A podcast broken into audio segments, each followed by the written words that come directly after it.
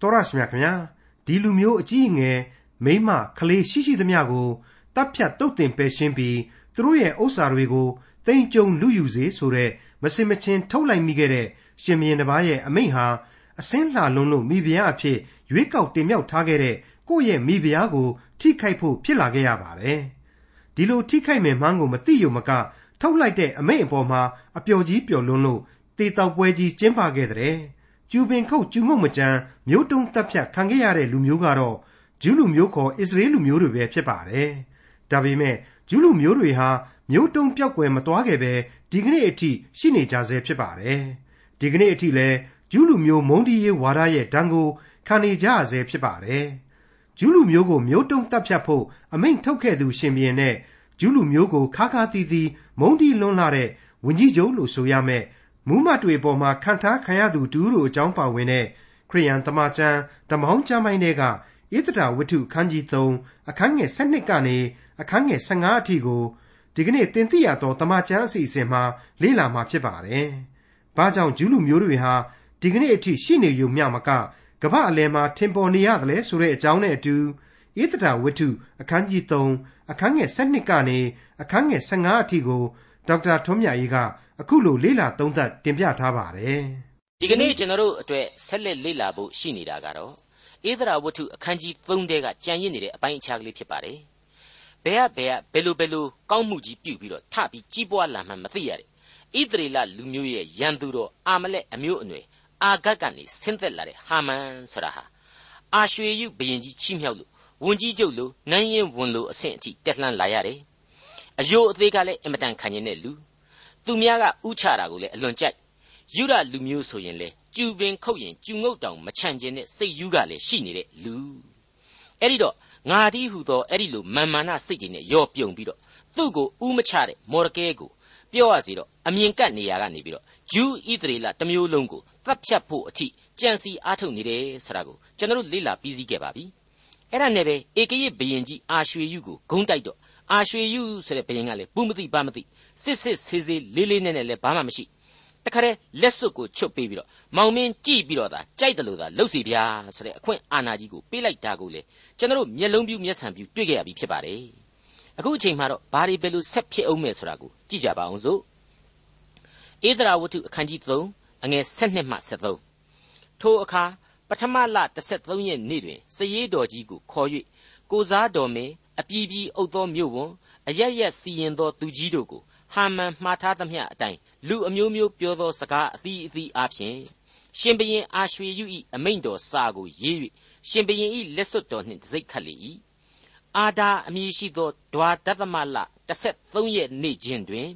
ယုဒလူအကြီးအငယ်မိမအခလေးရှိသမျှတို့ကိုတပ်ဖြတ်တုတ်တင်ပယ်ရှင်း၍သူတို့ဥစ္စာကိုလူယူသိမ်းယုံစေခြင်းဟာအမိန့်တော်စာကိုစာပို့လူလင်တို့ဖြင့်နိုင်ငံတော်အပြည်ပြည်သို့ပေးလိုက်လေ၏ ပြီးခဲ့တဲ့ကျမ်းမှာကလေးကဂျူးတွေကိုတတ်ချင်လွန်းနေသူလက်ရနေသူဟာမန်တယောက်ဟာဘယင်ကြီးစီဒီကိစ္စကိုမတင်ခင်ကလေးကတတ်ဖို့ဖြတ်ဖို့တောင်မှနေဆွဲသတ်မှတ်ခဲ့ပြီးပြီဆိုတာကိုအခုတွေ့ထားရပါတယ်အခုအချိန်မှာတော့ဘယင်ကြီးကခေါင်းညှိတ်ပြီးတော့လက်စွပ်ကလေးလဲချွတ်ပေးလိုက်ရောအထူးဆိုစရာမရှိတော့ဘူးတခါတည်းစာရေးတော်ကြီးတွေကိုခေါ်စရေးကြီးတွေကိုခေါ်ပါရှာလက်အောက်ခံကဘာအရက်ကဘယင်ကန်တွေစီကိုအဲ့ဒီနေ့ရောက်လို့ရှိရင်ဂျူးတွေအကုန်လုံးကိုသတ် ဂျူးတွေပိုင်တာတွေအကုန်လုံးကိုသိမ်းဆည်းစေဆိုတဲ့အမိန့်ကိုထုတ်ပြန်ကြေညာတယ်ဆိုတာတွေ့ရပါပြီကျွန်တော်ဧဒရာဝတ္ထုအစမှာတွေ့ခဲ့ရတဲ့မတ်မုကန်ဆိုတဲ့အတွင်းဝင်မင်းလုပ်ပုံနဲ့တစ်ဖြတ်တည်းတူမနေဘူးလားမိဖုရားကြီးဝါရှတိကအာရွှေယုခေါ်တာကိုညှင်းဆန်တော့အာရွှေယုတယောက်အကြီးအကျယ်အဆက်ကွဲပြီးတော့ဒေါသထွက်နေတဲ့အချိန်အဲ့ဒီဒေါသထွက်နေတဲ့ဘုရင်ကြီးကိုအဆင့်ဘိမ့်တက်ပေးခဲ့တဲ့မတ်မုကန်လေဘုရင်ကြီးခမညာမိဖုရားကြီးဝါရှတိကိုအလျှော့ပေးလိုက်ရင် တိုင်းပြည်လုံးကကတော်ကြီးတွေအခုတည်းပို့ပြီးတော့ယောက်ျားတွေကိုတော်လှန်ပုန်ကန်လာကြပါလိမ့်မယ်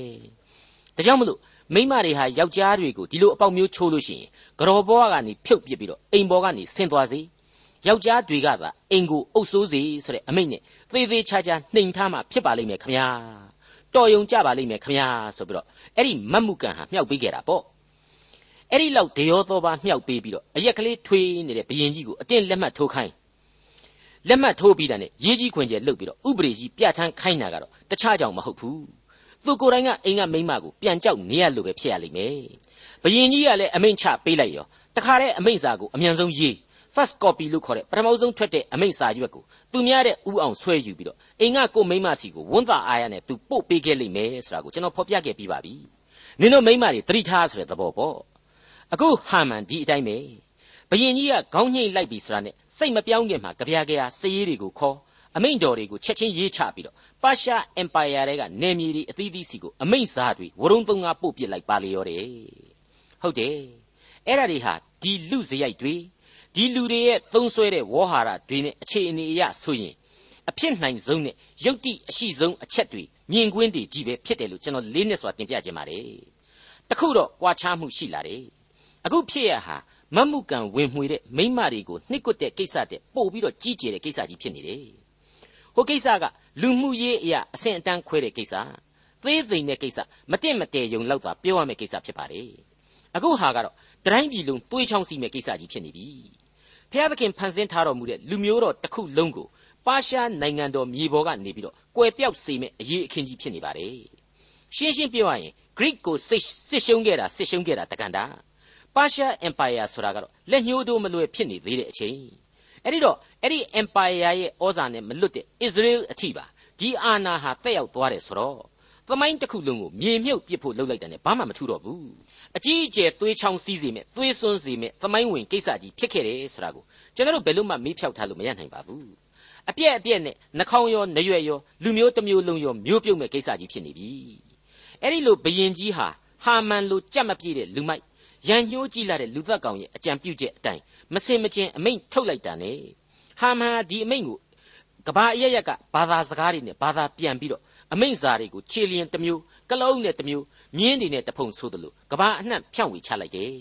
ဒီတော့ဒီအမိန့်တော်ကြီးဟာအရှိဘက်အိန္ဒိယအထိချက်ချင်းရောက်သွားရမှာဖြစ်တယ်လို့အဲ့ဒီခေတ်ကအတိုးတက်ဆုံးနဲ့အကြီးပွားအချမ်းသာဆုံးလို့ဆိုရမယ် Euphrates Tigris ဒေသအာဖရိကတောင်မြောက်ပိုင်းက Nile မြစ်ဝှမ်းဒေသ ဥရောပရဲ့အရှေ့တောင်နိုင်ငံများစသဖြင့်ပါရှားလက်အောက်ခံဩဇာခံနိုင်ငံတွေအကုန်လုံးစီကိုဟောဟောတိုင်းတိုင်းရောက်သွားခဲ့ရမှာအမှန်ပါပဲ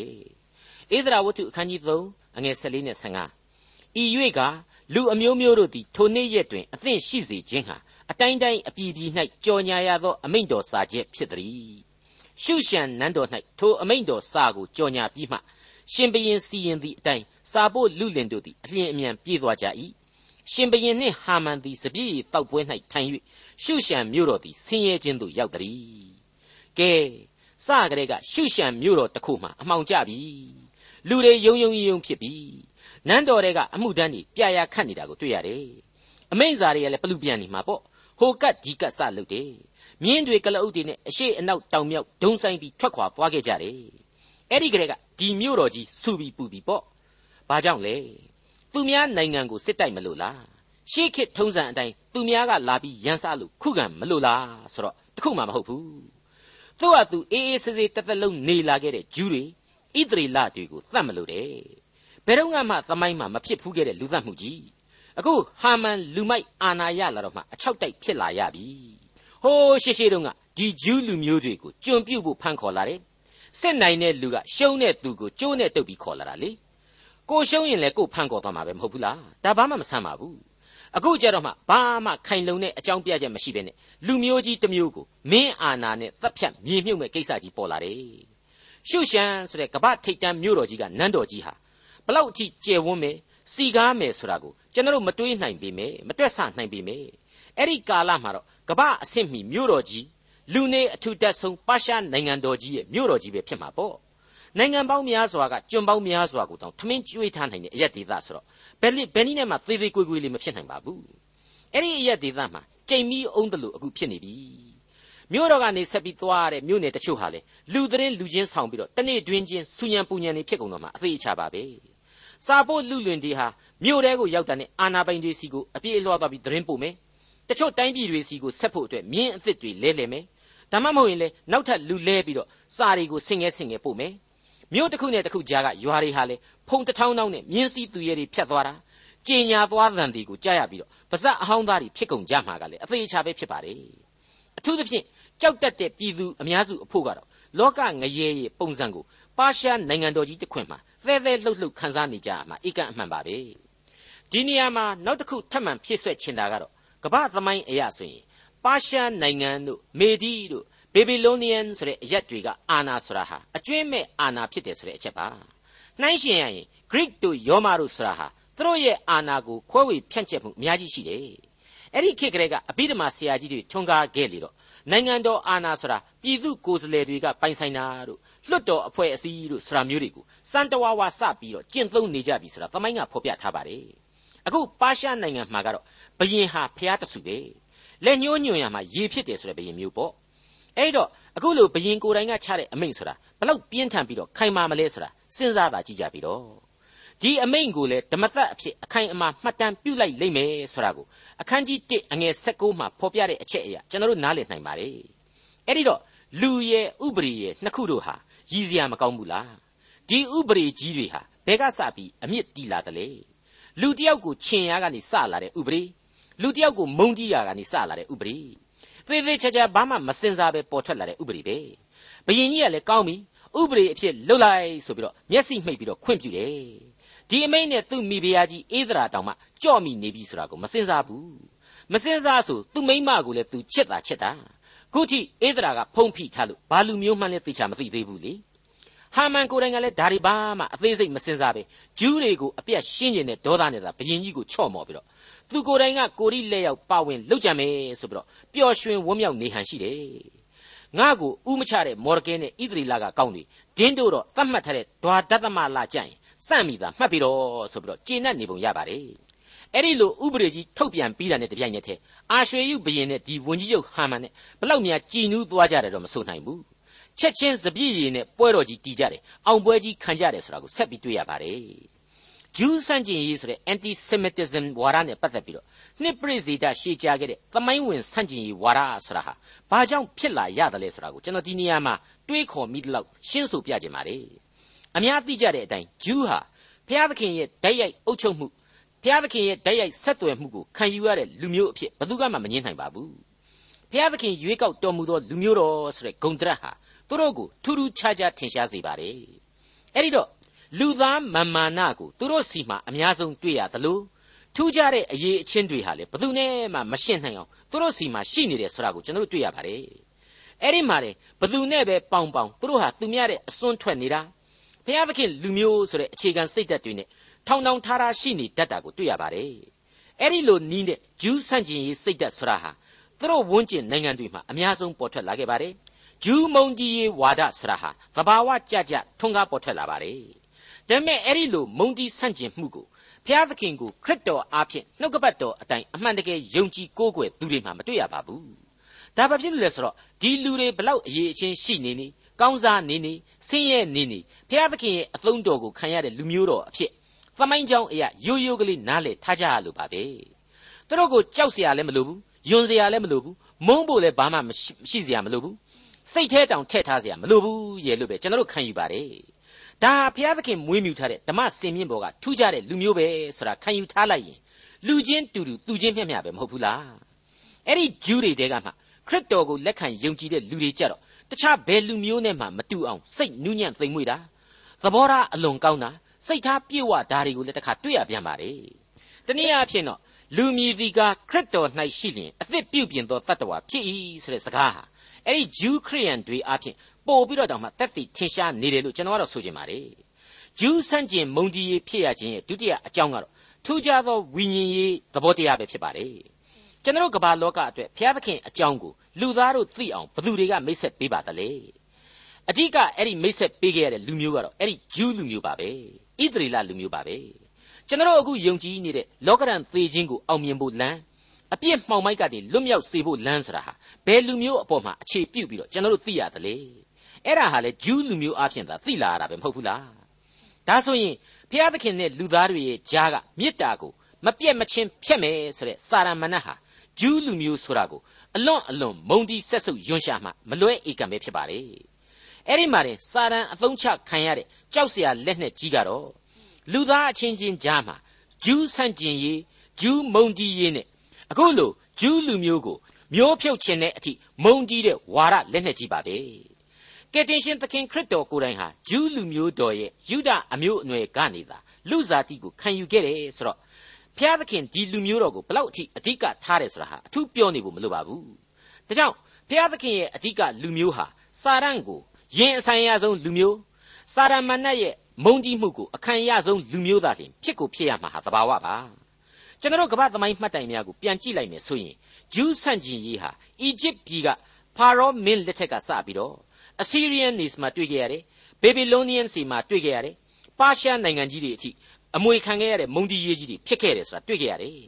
ဒါအပြင်ဂျူးရဲ့သွေးရင်သားရင်ပတ်ဝန်းကျင်ကဆွေတော်မျိုးတော်တွေတခြားသဲကန်တာရလူမျိုးတွေဟာလေအဆက်မပြတ်ဂျူးဆန့်ကျင်ရေးတွေပြုလုပ်ခဲ့ကြတယ်ဆိုတာကိုဘယ်သူမှမငြင်းနိုင်ပါဘူးအဲ့ဒီနောက်ပိုင်းမှာယောမဧကရစ်တွေရဲ့ဂျူးမုံကြီးဆန့်ကျင်ရေးတွေစပိန်အာနာရှင်များရဲ့ဂျူးဖိနှိပ်မှုတွေစသဖြင့်ဆက်လက်တွေ့ခဲ့ရပြီးတဲ့နောက်မဝေးသေးသောဒုတိယကမ္ဘာစစ်အချိန်မှာတော့ ဂျာမန်အာနာရှင်ဟစ်တလာဟာဂျူးလူမျိုး6သန်းကျော်ကိုရရဆက်ဆက်သုတ်သင်ပစ်ခဲ့တဲ့အထိဂျူးဆန့်ကျင်ရေးကြီးကိုကမ္ဘာမှာအကြမ်းတမ်းဆုံးလုပ်ခဲ့ပူပါတယ်မိษွေတို့ခမညာအလွန်ထူးခြားပြီးသမိုင်းဝင်တဲ့ဒီဆန့်ကျင်ရေးဝါဒဟာဒီကနေ့အထိလေအကြောင်းအမျိုးမျိုးပြပြီးတော့ဟိုတစဒီတစကြားနေရတော့မယ်ဖြစ်ပါတယ်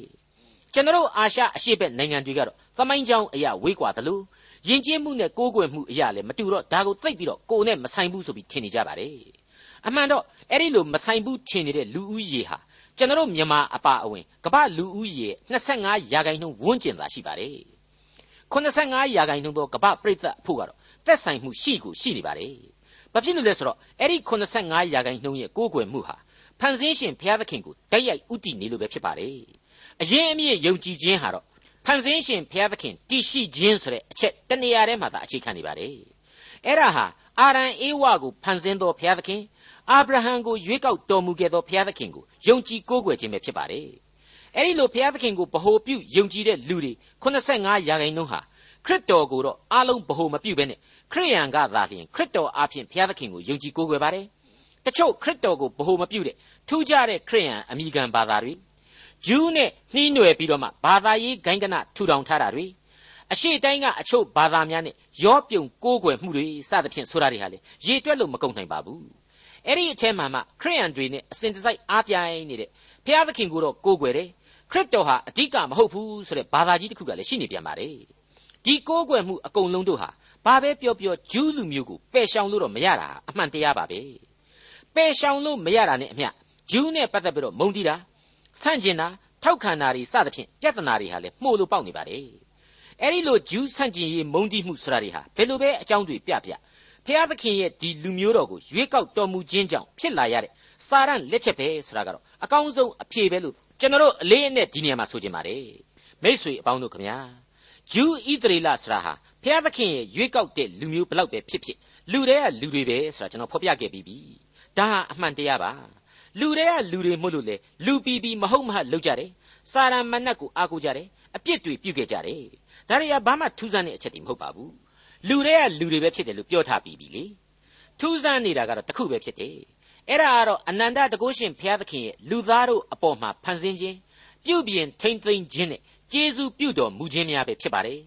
ဒီအချက်တွေကိုနားလေလေးလေးဒီကနေ့ကျွန်တော်တို့လေ့လာနေတဲ့ဣသရာဝတ္ထုဟာအသက်ဝင်လာရလေးလေးပဲဖြစ်တယ်လို့လည်းကျွန်တော်ပြောချင်ပါတယ်မိတ်ဆွေအပေါင်းတို့ခင်ဗျာမိခါအနာဂတိကျမ်းမှာကယ်တင်ရှင်သခင်ခရစ်တော်ကို ဘက်လင်မြို့ကလေးကလက်ခံပြီးတော့အဲ့ဒီအရက်မှာဖွားမြင်ခြင်းခံရမယ်ဆိုတဲ့အချက်ကိုအံ့ဩပွေဖော်ပြထားခဲ့ပါတယ်။အိုးဘက်လင်အေဖရတ်မြို့အစိုးရသောယူဒမြို့တို့တွင်သင်သည်မြို့ငယ်မြို့ယုတ်ဖြစ်တော်လေဣသရေလအမျိုးကိုအုပ်စိုးရသောသခင်သည်ငါအဖို့သင်၏အထက်၌ပေါ်ထွန်းလက်တံထိုသခင်သည်ရှေးကပ်ကဘာမှစ၍ပေါ်ထွန်းသောသခင်ဖြစ်၏ဆိုတဲ့အနာဂတ်ကျမ်းစကားဖော်ပြချက်ပါပဲ။လောက်ထူးဆန်းတယ်လေ။ဒီဖော်ပြချက်ကိုခရစ်တော်ရဲ့ကိုဝန်ကြီးဆောင်ထားရတဲ့မာရိကို သူ့ဇာတိချက်ကျွေဘက်လက်မှာသွားပြီးတော့သကောင်စီရင်သွင်းစေဆိုတဲ့ယောမဒေသဆိုင်ရာအာနာပိုင်းတွေဟာရောင်လို့တောင်မှသိမှာမဟုတ်တလို့ယောမကဩဂတ်စတက်စီဇာဧကကြီးအဖို့ဆိုရင်ရဲပွဲဖွဲ့เสียအချက်တစ်ခုသာသဘောထားခဲ့မှာအမှန်ပဲဖြစ်တယ်လို့ကျွန်တော်ခံယူပါတယ်ဒါပေမဲ့အဲ့ဒီဗျာဒိတ်တော်ကြီးကိုမပြည့်စုံရင်ပြည့်စုံအောင်လို့အဲ့ဒီကပအာနာရှင်ကြီးကိုယ်တိုင်ဟာဖြည့်စည်းပေးလိုက်ရတာပဲဆိုတာကိုတွေးမိရင်ဖျားသခင်ရဲ့လူသားတို့ကပအတွက်စီရင်တော်မူချက်တွေဟာဘလောက်အထိအသက်ဝင်နေ ဘယ်လူကမှရှောင်လို့မရနိုင်ဘူးဆိုတာတွေ့ကိုကျွန်တော်တို့တွေ့ရှိလာကြပါလိမ့်မယ်ဒီလိုပါပဲကယ်တင်ရှင်သခင်ခရစ်တော်ရဲ့အသေးခံတော်မူခြင်းဆိုတာဟာပတ္တခါသိုးတငယ်ရဲ့ရစ်ပူဇော်ခြင်းကိုနမိတ်ဆောင်ခဲ့တာကိုခရစ်တော်ဟာပတ္တခါပွဲတော်နေ့မှာအသေးခံမှသာပြည့်စုံမှာဖြစ်တဲ့အတွက်ကြောင့်ပတ္တခါလွန်မှတတ်ချင်တဲ့အာနာပိုင်းတွေဟာပွဲပြီးခြင်းကိုစောင့်ကျင်ခဲ့ရဲ့နဲ့မစောင့်နိုင်ခဲ့ဘူးအဲ့ဒီလူတွေဟာ ဘသူမှကိုဖြစ်ချင်တဲ့အတိုင်းကိုဆန္ဒအတိုင်းလှုပ်ချင်တယ်လို့လှုပ်ခဲ့လို့မရခဲ့ပဲနဲ့ပတ္တခါပွဲနေ့ညကြတော့မှသာခရစ်တော်ကိုမဖြစ်မနေကားတိုင်းကိုတင်ပေးခဲ့ရတယ်ဆိုတာဟာလေတက်တည်ထင်ရှားခဲ့ရပြီးပါပြီအခုဆိုရင်ဂျူးမုံဒီဆန့်ကျင်ရေးသမားကြီးဟာမန်နဲ့ဟာမန်မြောက်ပင့်ပေးတာကိုအဟုတ်မှတ်ပြီးတော့ဂျူးတွေကိုဒွါဒသမလအာဒါအမည်ရှိတဲ့လ73ရက်နေ့ညမှာတုတ်တင်စီဆိုတဲ့ကြောက်မဲ့ဖွယ်တစ်ချက်လွတ်အမိန်ကြီးတစ်ခုဟာအာရွှေယုဘယင်ကြီးလက်မှတ်နဲ့သမိုင်းဝင်ပေါ်ထွန်းလို့လာခဲ့ရပါပြီ အဲ့ဒီအရက်ကြောင်ကြောက်နေသူ Sussex ဘယင်ကြီးအာရွှေယုရဲ့လက်မှတ်ထိုးချိန်မှာဘယ်လူသားမှမမြင်ရတဲ့အရက်ကနေပြီးတော့ဖျားသခင်ဟာစောင့်ကြက်ကြည့်ရှုပြီးတော့ဘယ်လူသားတွေမှတွေးဆနိုင်ခြင်းမရှိတဲ့သူ့ရဲ့အလိုတော်နဲ့အညီပါရှားသမိုင်းအတွင်းကနေအံ့ဘွယ်သောအမှုတော်ကိုဆောင်ရွက်သွားမှာသာဖြစ်ပါတယ်အဲ့ဒါဟာဖြင့်ဘုရားသခင်ရဲ့အပြစ်သားလူပေါင်းအပေါ်မှာပြုစုစောင့်ရှောက်တော်မူခြင်းကိုထင်ရှားစေမယ့်သဘောတရားပဲဖြစ်ပါတယ်ဘုရားသခင်ရဲ့စီရင်တော်မူခြင်းတွေဘလောက်အံ့ဩဖို့ကောင်းတယ်ဆိုတာကို ဖော်ပြသွားမယ့်အချက်ပဲဖြစ်ပါတယ်ကျွန်တော်အနေနဲ့ဒါကိုဘယ်လို့မှဆန့်ကျင်တွေးတောပြီးတော့ကိုယ့်သဘောနဲ့ကိုယ်အတိတ်ပဲပြန်ဆိုနိုင်စွမ်းလည်းမရှိပါဘူး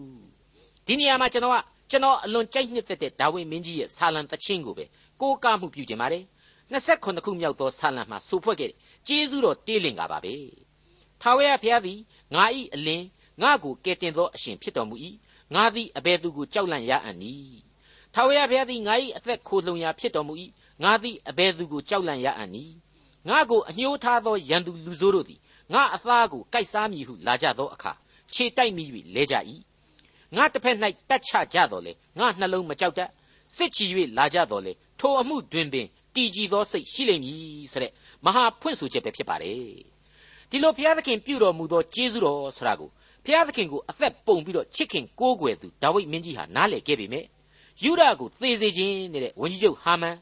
ကိုယ်စကားကိုဘယ်ရောက်လို့ဘယ်ပေါက်မှန်းမသိခဲ့တဲ့ပလင်းသမားကြီးအာရွှေယူဘရင် Sussex လို့လူမျိုးကတော့သိမှအရှင်းမဟုတ်ခဲ့ပါဘူးစကလေးကဘုရားသခင်ကိုမသိတဲ့လူတွေမို့လို့မသိတာကိုအသာထားဘိုးဘေးတို့ရဲ့ဘုရားသခင်စီကနေဝေးကျင်တိုင်းဝေးပြီးတော့နတ်တို့ပျော်ရာပါရှားနိုင်ငံမှာသာဆက်ကြနေတဲ့မော်ရကဲတို့မိဖုရားကြီးအေသရာတို့လိုဣသရေလအစ်စ်ကြီးတွေကိုယ်တိုင်ဟာလေခန်းစားထိတွေ့ခြင်းရှိကြလိမ့်မယ်လို့ကျွန်တော်မထင်ပါဘူးဘယ်လိုပဲပြောပြောလူသားတို့ရဲ့အမိုက်အမဲတွေကြားထဲမှာပဲ ဘုရားသခင်ရဲ့ကျေးဇူးတော်ဆိုတာကတော့တည်တံ့ခိုင်မြဲနေလေရဲ့ဆိုတဲ့သင်ခန်းစာကိုအေသရာဝတ္ထုဟာထင်ရှားပြောင်မြောက်စွာတက်တည်တည်သွားပါလိမ့်မယ်မိษွေအပေါင်းတို့ဂျူးတွေကိုအပြတ်ရှင်းဖို့အတွက်အာမလက်လူမျိုးဟမ်မေဒါသဤသားဟာမန်ဆိုတဲ့လူမော်ရကဲကိုမုံကြီးဆက်ဆုပ်ခြင်းသူ့ကိုဥမညွတ်တဲ့အတွက်စိတ်ကွက်ခြင်းတွေကနေစပြီးတော့ဒေါသချောင်းချောင်းထွက်ရကနေစိုးစိုးရွားရွားကြံစီခဲ့တယ်ဆိုတာကိုကျွန်တော်တို့သိခဲ့ရပါပြီအမှန်တော့မော်ရကဲကနေစတင်လာတဲ့အမုန်းတရားဟာ မော်ရကဲတယောက်ကိုပဲကွမျက်လိုက်ယုံနေတော့မပြေတော့ဘူးဆိုပြီးတော့သူဟာမန်စိတ်ထဲမှာအောက်မေ့ခဲ့တယ်ဆိုတာကိုကျွန်တော်တို့ကပြီးခဲ့တဲ့အခန်းကြီး3အငယ်6မှာတွေ့ခဲ့ရပါတယ်အဲ့ဒီလောက်အထိဖောက်ပြန်ရက်ဆက်တဲ့အစ္ဆထအတွင်းစိတ်ဟာအတိတ်ကာလကတည်းကရှိခဲ့တဲ့ယူဒအာမလက်တို့ရဲ့သမိုင်းဝင်ရန်ညှိုးများနဲ့လည်းဆက်နွယ်နေမယ်ဆိုတာဟာရှင်းနေပါတယ်ကဘာဦးကျမ်းရဲ့ဖော်ပြချက်များအရာအဲ့ဒီအာမလက်လူမျိုးဆိုတာဟာတခြားမဟုတ်ပါဘူးယာကုပ်ရဲ့အကိုကြီးဖြစ်သူအေသောသားအေလိဖတ်ဤမယားအငယ် တမိနာမှဖွာသောသားအာမလက်ကနေစတင်ဆင်းသက်ခဲ့ခြင်းဖြစ်ပါတယ်ဒါကြောင့်ဒီအာမလက်လူမျိုးတို့ဟာရွေးကောက်တော်မူသောယာကုပ်ကစတဲ့ဣသရီလနဲ့ညီအကိုတဝန်းပဲကွဲခဲ့လိမ့်မယ်ဆိုတာကိုကဘာဦးကျမ်းမှာရှင်းရှင်းကြီးတွေ့ရပါတယ်ဒါကိုကဘာဦးကျမ်းအခန်းကြီး36အငယ်7ကနေ14အတွင်းမှာပြန်ကြည့်ရင်တွေ့ရမှာမို့လို့မိษွေတို့လည်းပြန်ဖတ်နိုင်ရင်ပို့ပြီးတော့ကောင်းမယ်လို့ကျွန်တော်ယူဆပါတယ်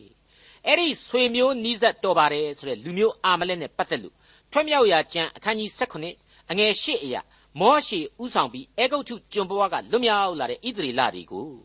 ဒုက္ခလန်ခရီးမှာဆက်လက်ပြီးတော့နှောက်ယှက်တိုက်ခိုက်ခဲ့လို့အကြီးအကျယ်သွေးချောင်းစီးခဲ့ရတယ်ဆိုတာကိုလေကျွန်တော်တို့အတိတ်ကိုပြန်ကြည့်မယ်ဆိုရင်တွေ့ရမှာဖြစ်ပါတယ်အဲ့ဒါကိုတော့တောလေယာကျမ်းထဲမှာတွေ့နိုင်ပါပါ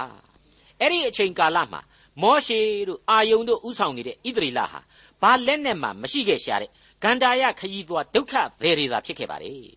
ဒါပေမဲ့ မောရှေဥဆောင်တဲ့ဣသရေလဘက်မှာပါဝင်နေခဲ့တာကတော့ထာဝရဘုရားသခင်ပဲဖြစ်ပါတယ်အဲ့ဒီလိုဘုရားသခင်ပါဝင်တဲ့ကျေးဇူးတော်ကြောင့်သာလျှင်လေအာမလက်တွေကိုအဲ့ဒီအချိန်မှာအောင်ပွဲဆင်နိုင်ခဲ့တယ်ဆိုတာကိုကျွန်တော်တို့မေ့လို့မရနိုင်ပါဘူးအဲ့ဒီအချိန်ကာလကလေးကဘုရားသခင်ဟာမောရှေကနေတဆင့်အလွန်ကြောက်မဲ့ဖွယ်ဗြိညင်ကြီးတစ်ခုပြုတ်ခဲ့တယ်ဆိုတာကိုလည်းမှတ်သားစရာပါပဲထွံ့မြောက်ရာကျမ်းအခန်းကြီး16အငယ်14အရာထာဝရဘုရားကလည်းဤအမှုကိုအောက်မေ့စရာဖို့စာရေးထား၍ ယောရှုအားဖတ်ရလော့အကြောင်းမူကားကောင်းကင်အောက်၌အာမလက်ဤအမှတ်ရှိသမျှကိုငါပယ်ရှင်းမည်ဟုမောရှေအားမိန့်တော်မူ၏ဆိုတဲ့အချက်ပဲဖြစ်ပါတယ်အဲ့ဒီလိုအတိတ်သမိုင်းကြောင်းမကောင်းခဲ့တဲ့အာမလက်တို့ဟာကျွန်တော်အထက်ကတင်ပြခဲ့တဲ့အတိုင်းပဲရှောလူမင်းကြီးရဲ့ခင်မှာအထိတစ်ခါပြန်ပြီးတော့ခေါင်းထောင်လာလို့ဓမ္မရာဆိုရင်ပထမစာဆောင်အခန်းကြီး15အငယ်8မှာကြတော့ဣသရေလတွေနဲ့စစ်ထပ်ပြီးတော့တိုက်ကြပြန်တယ်ဆိုတာကျွန်တော်တို့တွေ့ရပါတယ်ဘုရားသခင်ဟာ သူ့အတိတ်ကာလတုန်းကဗြိညင်ပြုတ်ခဲ့တဲ့အတိုင်းရှောလူကိုဒီအာမလက်တွေကိုရှင်းရှင်းဖြက်စီးပြစ်ရမယ်ဆိုတဲ့အမိန့်ကိုပေးခဲ့တယ်ဆိုတာအဲ့ဒီကျမ်းထဲမှာထင်ထင်ရှားတွေ့ရပါတယ်ဒါပေမဲ့ဘုရားသခင်ရဲ့အမိန့်တော်ကိုရှောလူဘရင်ဟာနားမထောင်ခဲ့ဘူးနားမထောင်ခဲ့လို့လေရှမွေလဟာအကြီးအကျယ်အမျက်ထွက်ခဲ့ရတယ်ဆရာတွေ့ကိုပါအဲ့ဒီသင်ခန်းစာတွေမှာကျွန်တော်ပြန်တွေ့ရမှာဖြစ်ပါတယ်အဲ့ဒီလိုဘုရားသခင်ရဲ့အမိန့်တော်ကိုနားမထောင်ခဲ့ပဲနဲ့အာမလက်ကိုရှင်းရှင်းမဖြက်စီးခဲ့လို့လေအဲ့ဒီထဲကအကျွင်းအကြံဖြစ်တဲ့ အာမလက်အမျိုးအငုတ်တစ်ခုဟာအခုလိုဣသရေလလူမျိုးတော်ရဲ့ချိနဲ့အားပြော့နေသောသမိုင်းကန္တတကွေ့မှာထပ်မံပြီးတော့ခေါင်းထောင်လာပြန်တာပဲလို့ကျွန်တော်ဆိုချင်ပါတယ်နှုတ်ကပတ်တော်ဤပြည့်စုံလုံလောက်ခြင်းဆိုတာဟာလူသားတို့ကြံစီ၍မမိနိုင်လောက်အောင်ကြီးမားတယ်လို့လည်းကျွန်တော်ပြောချင်ပါတယ်မိษွေအပေါင်းတို့ခမညာဖျားသခင်ရဲ့နှုတ်ကပတ်တော်ဟာရှားဖွေလေးလေးစမ်းကြဲတဲ့အသည့်တရားများကိုပြည့်ဝစေလေးလေးပဲလို့ကျွန်တော်ပြောချင်ပါတယ် လောကရန်မုန်တိုင်းကြီးပြင်းထန်တာကိုအစဉ်တစိုက်ခံစားနေရပြီးတော့